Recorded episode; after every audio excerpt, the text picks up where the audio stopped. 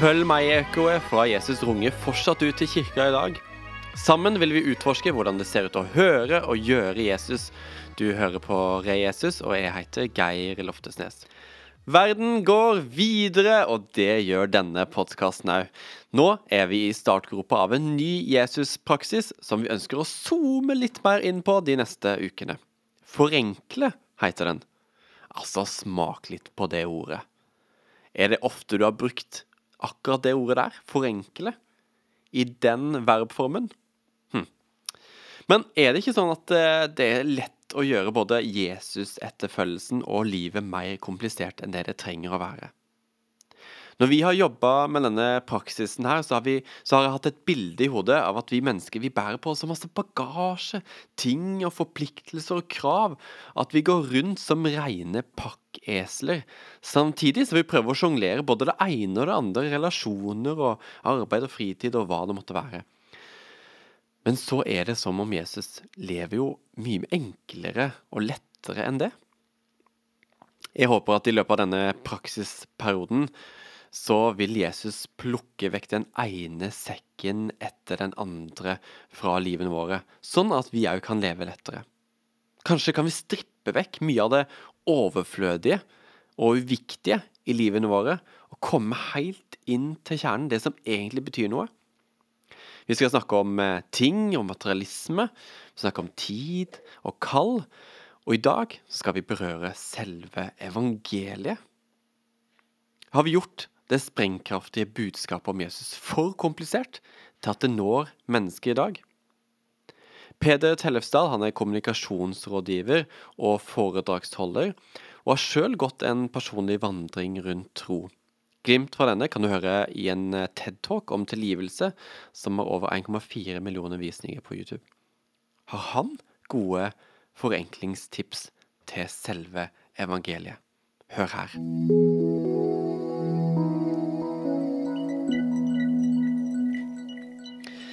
Hei, Peder. Takk for at du er med oss i eh, denne episoden.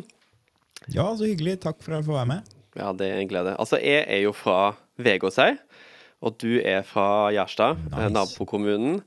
Eh, Og vi lagde litt sånn svenskevitser med dere fra Gjerstad. Eh, og da lurte jeg på, er det sånn at det var gjengjeldt mot oss vegårsheiinger, eller heva dere dere over det?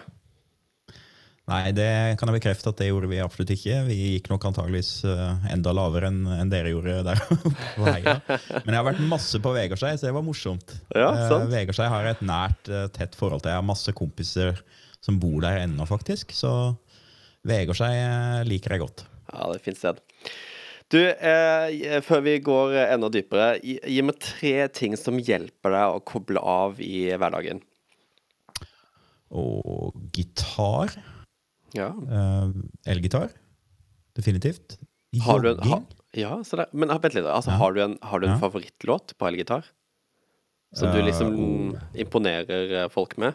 Uh, Du, akkurat nå siden, altså det sånn, Man svarer ofte det som er nært. da Og det, i dette tilfellet så svarer jeg det som er veldig nært. For akkurat før vi begynte nå, så, så satte jeg fram og gjorde klar gitaren for å øve på en låt som heter For the Love of God. Ja, det, Som er av en som heter Steve Vai, som er en av mine store gitarhelter. Um, og den, har jeg da, den spilte jeg for typ ti år siden, så nå hadde jeg liksom ambisjoner å prøve å ta den opp igjen og gjøre den bedre versjon enn jeg klarte for ti år siden. Så Ja, vi får se. Ja, men, eh, bra, bra sangtips. Så det og jogging og siste ting. Um, da tror jeg jeg vil si se ManU-kamper, sjøl om det har jo vært ehm, en, eh, kan si, en delt eh, Eller har ikke akkurat vært sånn en udelt eh, hyggelig uh, i en senere tid. Men allikevel så er det alltid like spennende å se for en fotballkamp. Ja, så ja.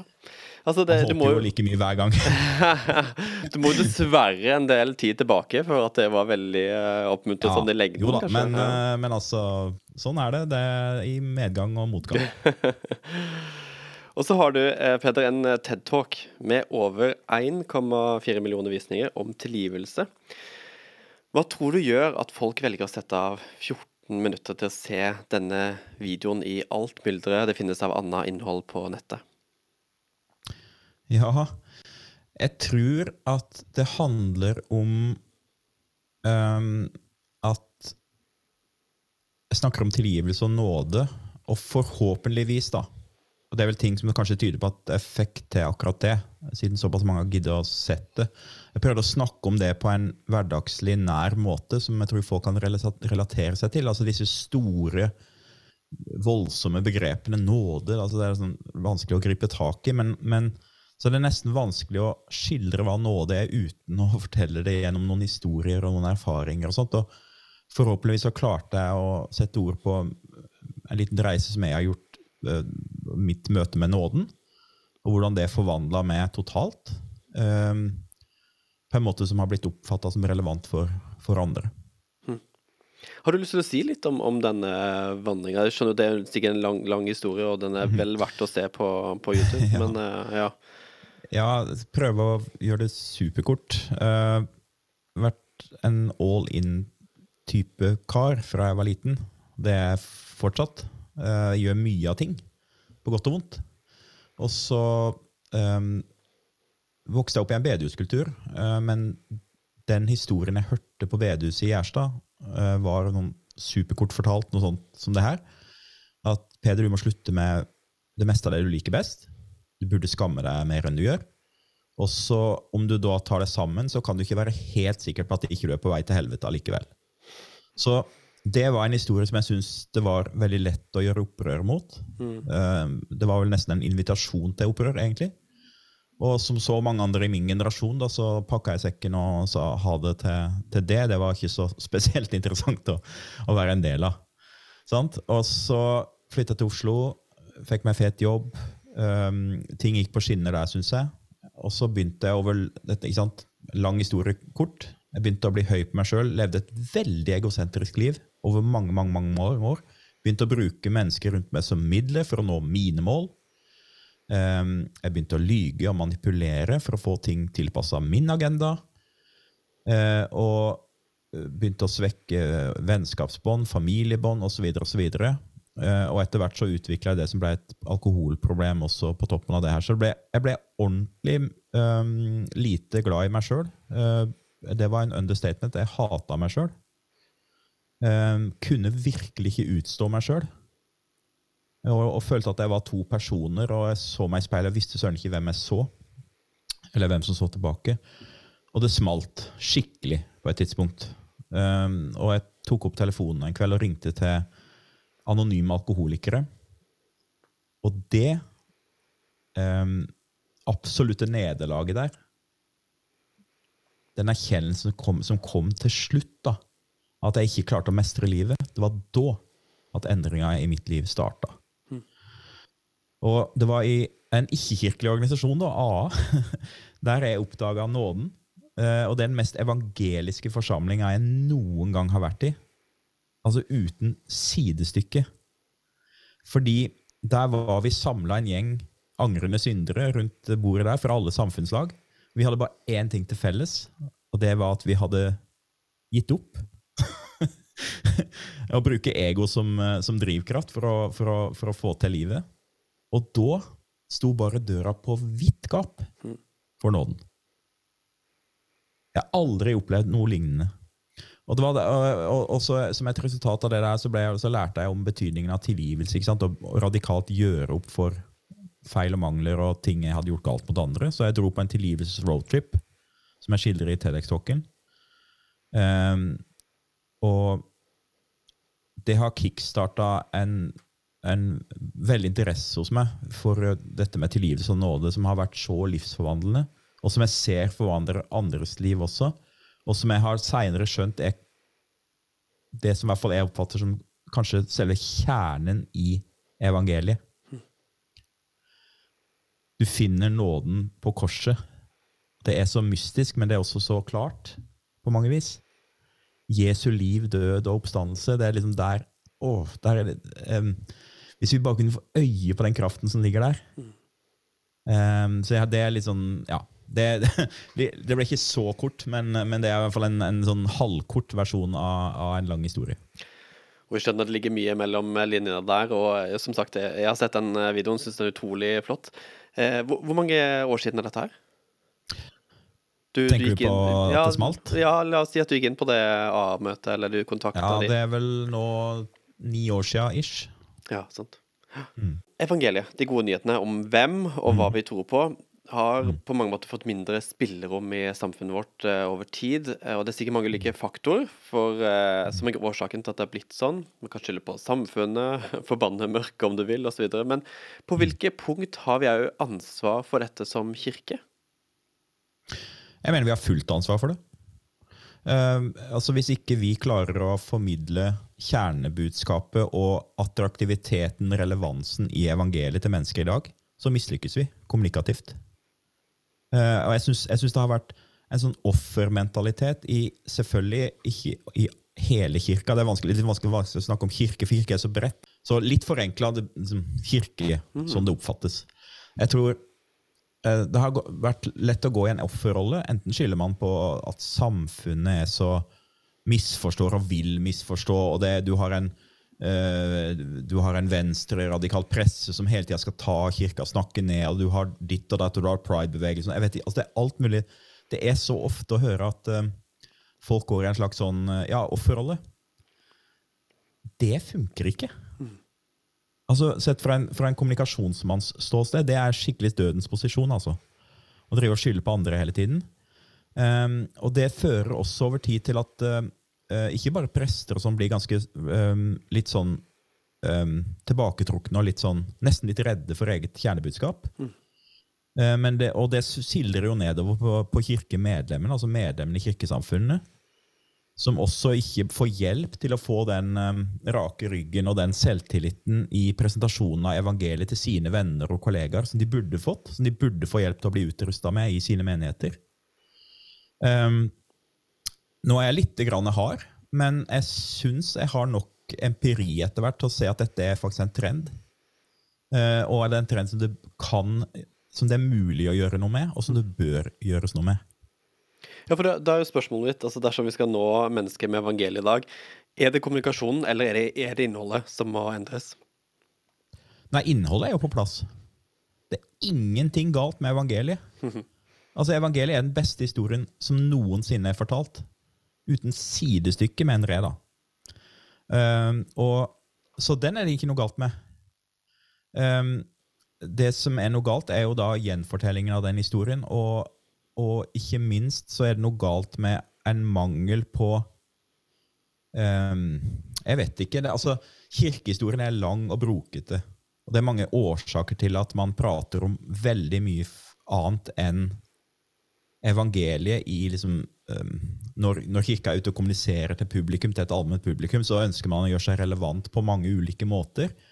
Um, eh, hva snakka for Nordmisjonen, for jeg synes jeg da trakk jeg fram to grøfter, som er litt sånn enten kameleonkirka, som gjør seg relevant med å være dagsaktuell, som får ulike Kanskje Den norske kirke som har fått mest kritikk for den, og de er kanskje en eksponent for den retninga, selv om det er mange andre som jeg syns også går litt i den. Men du kan tenke deg at det, la oss si at det er en kommunikasjonsgrøft som gjør at du tror du gjør deg relevant, men du gjør egentlig det motsatte, for folk skjønner ikke hva, du, hva, hva som er spesielt med deg, og hvorfor du er til, og sånne ting.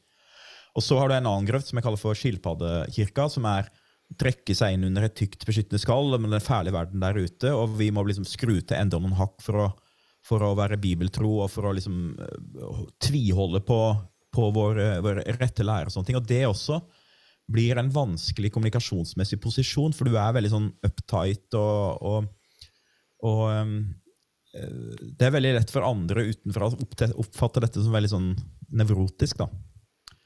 Um, og det er ikke så veldig sånn god posisjon. Ingen av de er så veldig gode posisjoner. For den ene er sånn usikkerhet på uh, at du tør egentlig ikke å si kjernebudskapet ditt. Men den andre er sånn der VIP. Um, uh, dette er for Golden Circle-gjengen. Og, og begge to er litt sånn um, dårlig plattform å stå på, da. Ut mot et uh, kanskje i større grad et postkristent uh, publikum etter hvert. Altså det er Generasjon Z nå sier jo mange er den første generasjonen i europeisk nyere historie som mangler Det er store prosentandeler av, av generasjonen mangler helt basic kunnskap om bibelhistorie, for ikke å snakke om evangeliet. Og da må du liksom starte fra en litt annen, eh, mer sånn tillitsbasert kommunikasjonsform, da. enn det som kanskje fun funka på 60-tallet eller 50-tallet eller whatever. Um, så ja. Men, men eh, det er på mange måter ganske oppmuntrende hvis det er kommunikasjonen som endres, for det går an å gjøre noe med. Ja, Um, dette hva- er knallgode nyheter. Ja. Ja, altså, jeg, mener, jeg mener at det, dette er grunnen til at jeg går inn i dette med hudår nå, at jeg ser et enormt potensial. Et enormt potensial i åra framover. Så, så eh, du som kommunikasjonsrådgiver, har du noen gode kommunikasjonstips til kirka i dag, eller må vi booke time på nettsida di? Eh, nei, nei, altså Jeg, jeg um, eh, snakker ofte om um, Bare for å ta et par ting, da. Eh, det ene er jo å Kirker er så, i, I godt selskap, skal det sies, med, med veldig mange organisasjoner. For dette er, dette er ikke spesielt for kirka. det er dette er liksom the curse of knowledge, som det heter. Eh, At du, du, når du kan veldig mye om en ting, og du, du holder på fryktelig med en ting, så er det ofte faktisk vanskelig å snakke enkelt om det til folk uh, utenfor.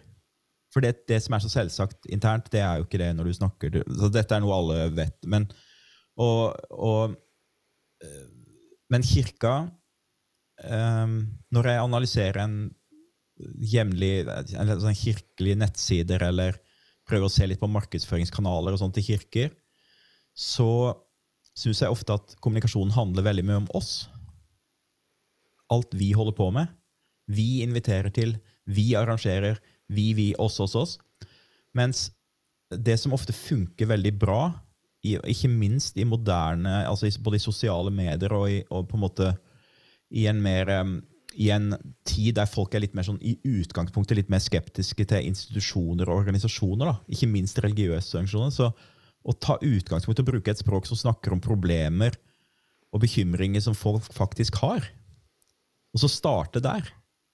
Og så kan du begynne etter hvert å snakke om at du kanskje har noen relevante greier som faktisk er et svar på de problemene, men, men snakke litt mer et språk som setter ord på reelle problemer, bekymringer, lengsler, drømmer videre som folk faktisk har og faktisk forholder seg til i sin hverdag.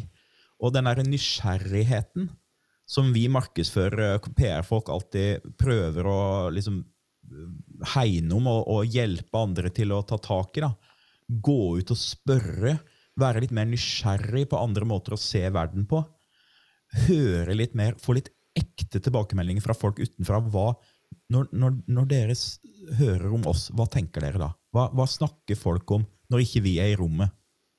For det er brandet ditt. Brandet ditt er det folk sier om deg når du ikke er i rommet. Det, jeg savner en nysgjerrighet på det. Fordi at, fordi at um, Man kan godt si at jo, men altså folk misforstår jo, og de, de, de skjønner jo ikke hva, hva vi holder på med her i kirka. Altså, så det, det de tror om oss, det er jo helt galt. sånn. Ja, men hvem sin skyld er det? Er det folk sin skyld? Sånn som kirka ofte sier at det er? Eller kanskje det er vår skyld? Jeg eh, vil nesten alltid peke på eh, den siste eh, at det siste er tilfellet. Spennende. Og så er det ikke alle som liker å høre det, for at noen syns det er litt sånn, det er ubehagelig, og man liker å, man liker å tenke at jo, men altså hvis bare folk hadde skjønt hva vi holdt på med her i kirka, så hadde de kommet løpende. Men altså, de gjør jo ikke det. Og det er ikke folks problem, altså. Mm. Det er kirkas problem. Så vi kan både se tilbake og lære av fortida, men, men så er vi der hvor vi er. Eh, Så, så hva er det som er så relevant med evangeliet i dag? Hvilke, hvilke nerver i evangeliet er det som treffer den tida vi lever i? Åh, det er så mange ting, vet du, for det. Men, men eh, i det siste så har jeg tenkt på særlig tre ting. Jeg tror at nåde er helt vesentlig.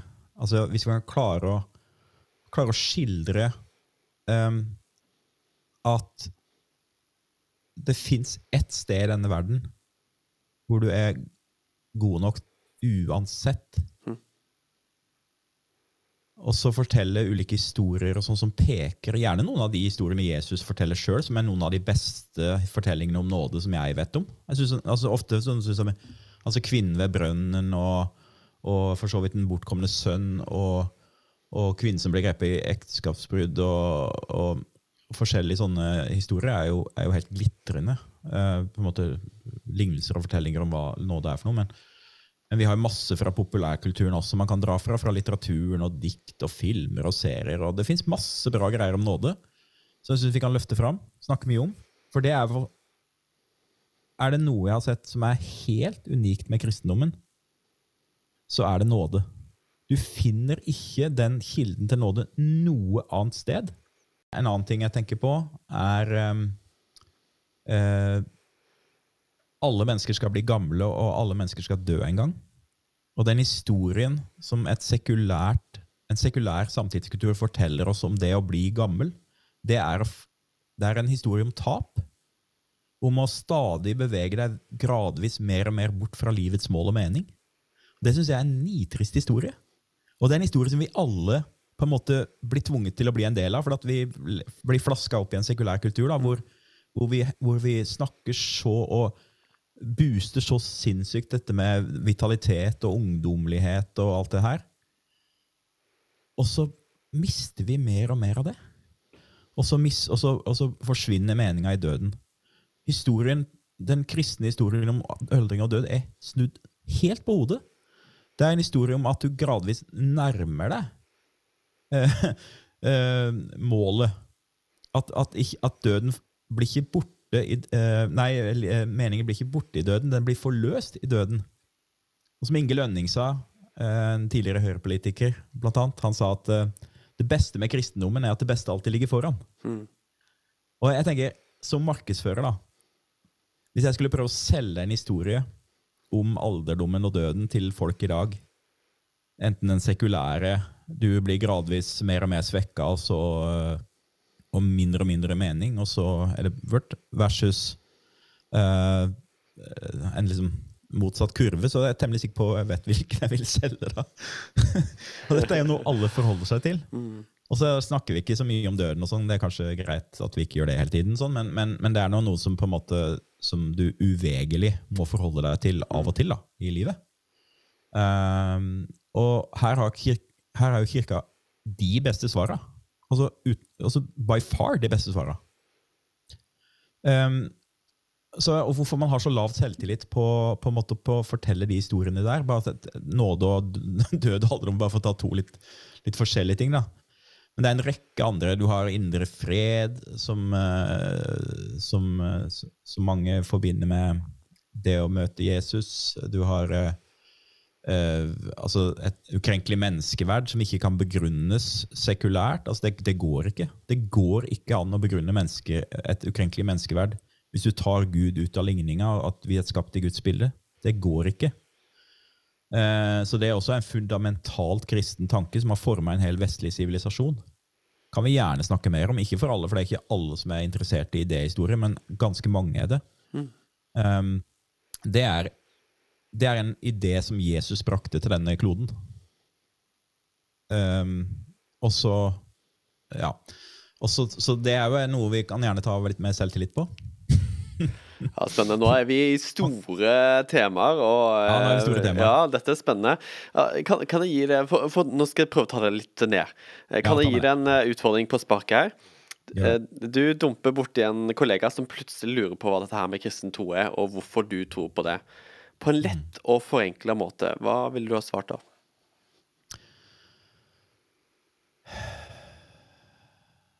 Jeg tror jeg bare blir svart at når jeg var på mitt mest svake mitt mest eh, sånn Når egoet mitt var fullstendig skakkjørt, og hadde, når egoet mitt hadde kjørt meg på helt ville veier, så, så, så, ble jeg kjent med, med en Jesus, Jesus, som jeg har seinere har skjønt faktisk er en levende person. Hvor rart det enn høres ut. Jeg har skjønt det. Han har blitt en levende person som jeg forholder meg til og har bygd en relasjon til. Og han har altså forandra livet mitt innenfra siden den tid. Um, og det er jeg så glad for. Og det har gitt meg så fantastisk eh, eh, base for resten av livet mitt at jeg klarer ikke å la være å fortelle sånne som deg, kjære kollega, eller andre om det. For at, eh, jeg ønsker at du skal få det samme. Hm. Så fint. Um, ja, noe i den gata. Ja. jeg ville gått rett på Jesus, i hvert fall. Ja, sant. Ja, for, for, det er fort gjort å gjøre troa vår mye mer komplisert enn det den egentlig er. Eh, på mange måter er det, det er tidvis vanskelig å følge etter Jesus, men det er egentlig ikke så komplisert. Eh, men er det òg en fare for at vi gjør evangeliet for simpelt? At vi reduserer liksom kristenmerkelappen til å handle om at du skal repetere en frelsesbønn, eller at du skal gå i kirka, eller et eller annet sånt? For det, for det er jo en viss dybde òg i, i, eh, dette. Ja, det er en enorm dybde. Altså, det, er jo, det er jo på en måte hele livet. så det, og det er, jo, altså det, er jo, det er, jo, det som er så fantastisk også med kristendommen, at det er både noe som kan på en måte uh, summeres opp sånn, altså Kjernen av kjernen kan summeres opp ganske enkelt. Mm. Uh, veldig nært korset, eller ikke bare nært korset, i korset. Um, men det, ram, det favner også en enorm dybde, ikke sant? Um, og bare det å lese litt, eh, Nå er ikke jeg noen bibelekspert, men, men, bare det å lese ulike bøker i Bibelen og så sier jo noe om, om, bredden og mangfoldet og dybden i dette her. Um, og, og, det skal man ha respekt for at det er. og jeg skjønner Jeg er på mange måter glad at jeg ikke er teolog. Uh, må helt ærlig innrømme, For jeg tror jeg, hatt, jeg tror jeg hadde hatt en vanskeligere jobb med å kanskje grabbe eller hjelpe folk med å kommunisere kjernebudskapet i kristendommen hvis jeg hadde hatt teologisk bakgrunn. For jeg vet ikke det um, ja, jeg vet, jeg vet ikke. Det, altså, det, er ikke meningen å sparke til teolog, det er ikke det, men bare, det er et, et, av og til så tror jeg ikke man ser Jesus for bare teologi. Mm -hmm. For å dra en analogi til det der uh, ordtaket om at man ikke ser skogen for bare trær. Altså, um, av og til kan teologien stå i veien for Jesus, da. Og da gjør jo ikke teologien sin, sin jobb, kanskje. Kjempespennende. Og, og, det er kanskje ja, Altså, jeg opplever ikke du sparker til teolog i det hele tatt. Så kanskje du, du gir mer uh, forståelse til at det ender opp sånn, fordi at nettopp er så mye å kunne grave seg dypt i. Og samtidig så må vi finne ut av hvordan vi kan gi det videre på en måte som uh, gjør at folk tar imot. Ja, så ja. Jeg mener at kirkeledere uh, framover burde øve mye på å pitche evangeliet.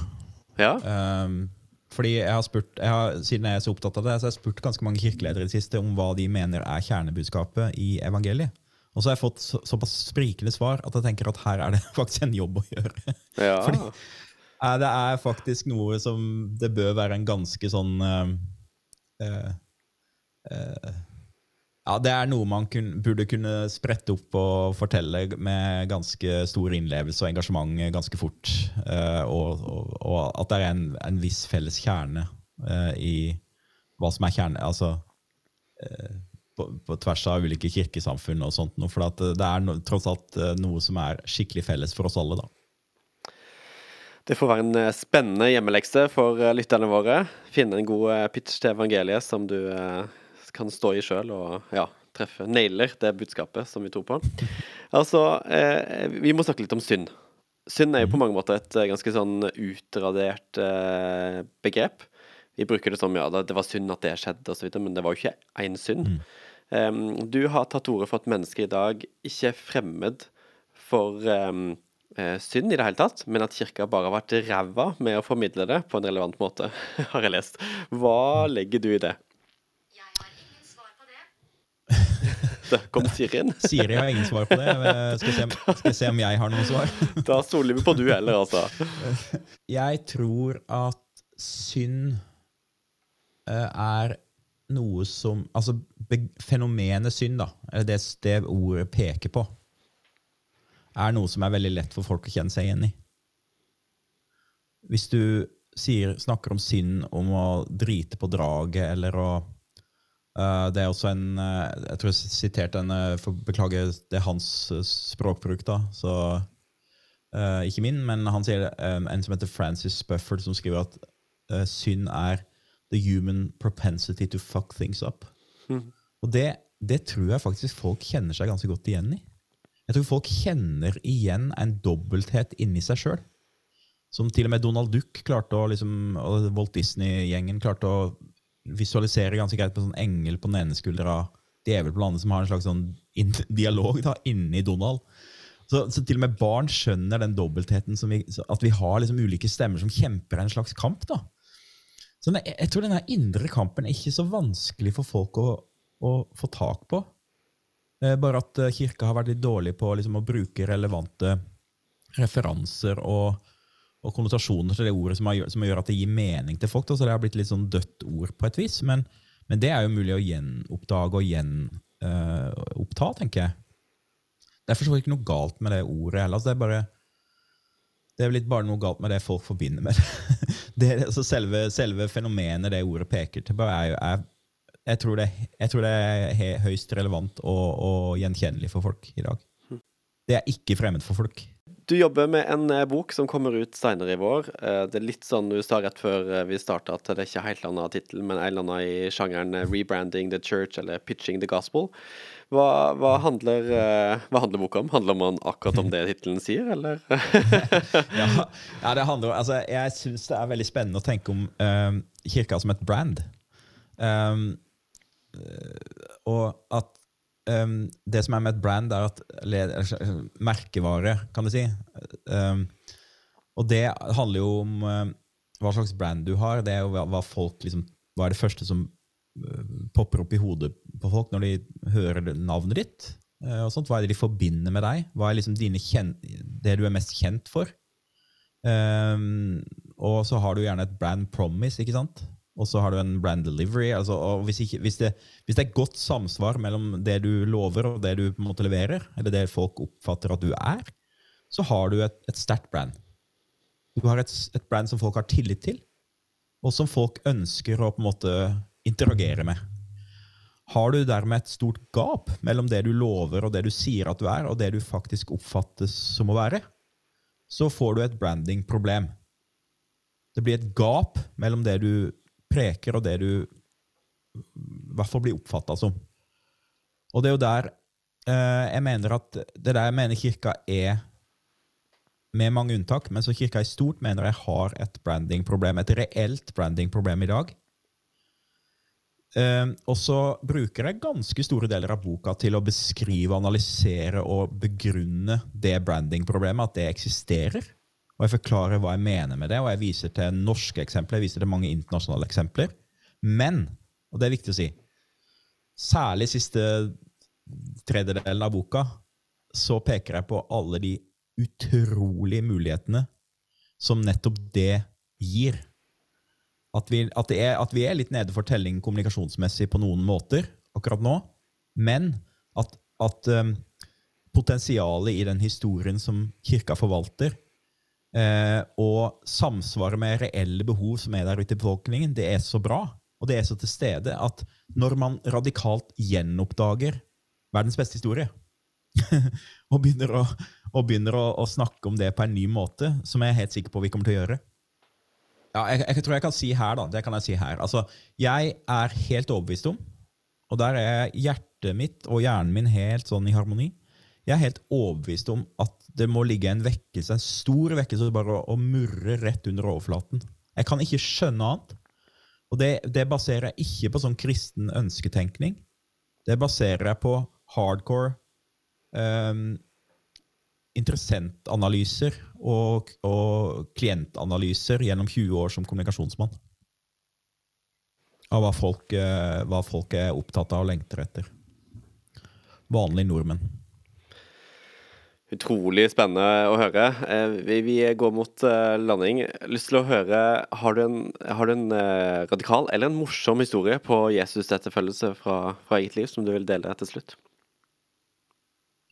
ja, ja um, Det første som poppa opp i hodet mitt nå, var at uh, et, siden jeg hadde vært så cocky som, og møtt mennesker ofte på en sånn cocky måte Ikke alltid. altså Jeg var ikke jeg var ikke alltid drittsekk, liksom, men, men jeg, jeg, hadde jo vært et veldig egosentrisk uh, livsførsel. da. Så etter jeg møtte nåden, møtte Jesus, så husker jeg satt på, på 31-bussen på vei til jobb i Oslo. Og så fikk jeg en sånn tanke, jeg tror det kom fra Jeg ba om å få møte mennesker på en mer sånn nådefull måte også, da, siden jeg hadde fått nåden sjøl. Uh, eh, husker jeg når jeg begynte å dømme folk inni hodet mitt, folk som satt der som så litt rare ut eller som Å, nei åh, og, ja, Jeg har begynt å dømme folk, da, som man ofte gjør. Bevisst eller ubevisst. Så kobla jeg inn Gud og sa Kjære Gud, um, velsign det mennesket der. Og pop! Der og da ble det mennesket forvandla i mitt Rett foran øynene på meg. Ved å koble inn Jesus i å prøve å se det mennesket gjennom hans øyne, så, så var det helt umulig å se på det mennesket på samme måte uten å føle seg sjøl som en fullstendig hykler. Altså var synden i meg veldig kraftig avslørt, men det, det syndeavsløringa resulterte i økt nåde. Skjønner du? Um, det er en veldig praktisk, nesten sånn banal øvelse. Um, som for meg var små mirakler på 31-bussen uh, i en periode hver dag. Wow, så flott å høre, og veldig, veldig konkret. Inspirerende.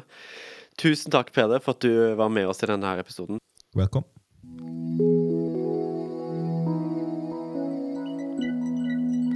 Det var Peder som delte både personlig fra eget liv, men òg fra et sånn metaperspektiv på kirka og samfunnet i dag. Han snakker om dette her med å være kameleonkristne og, og skilpaddekristne.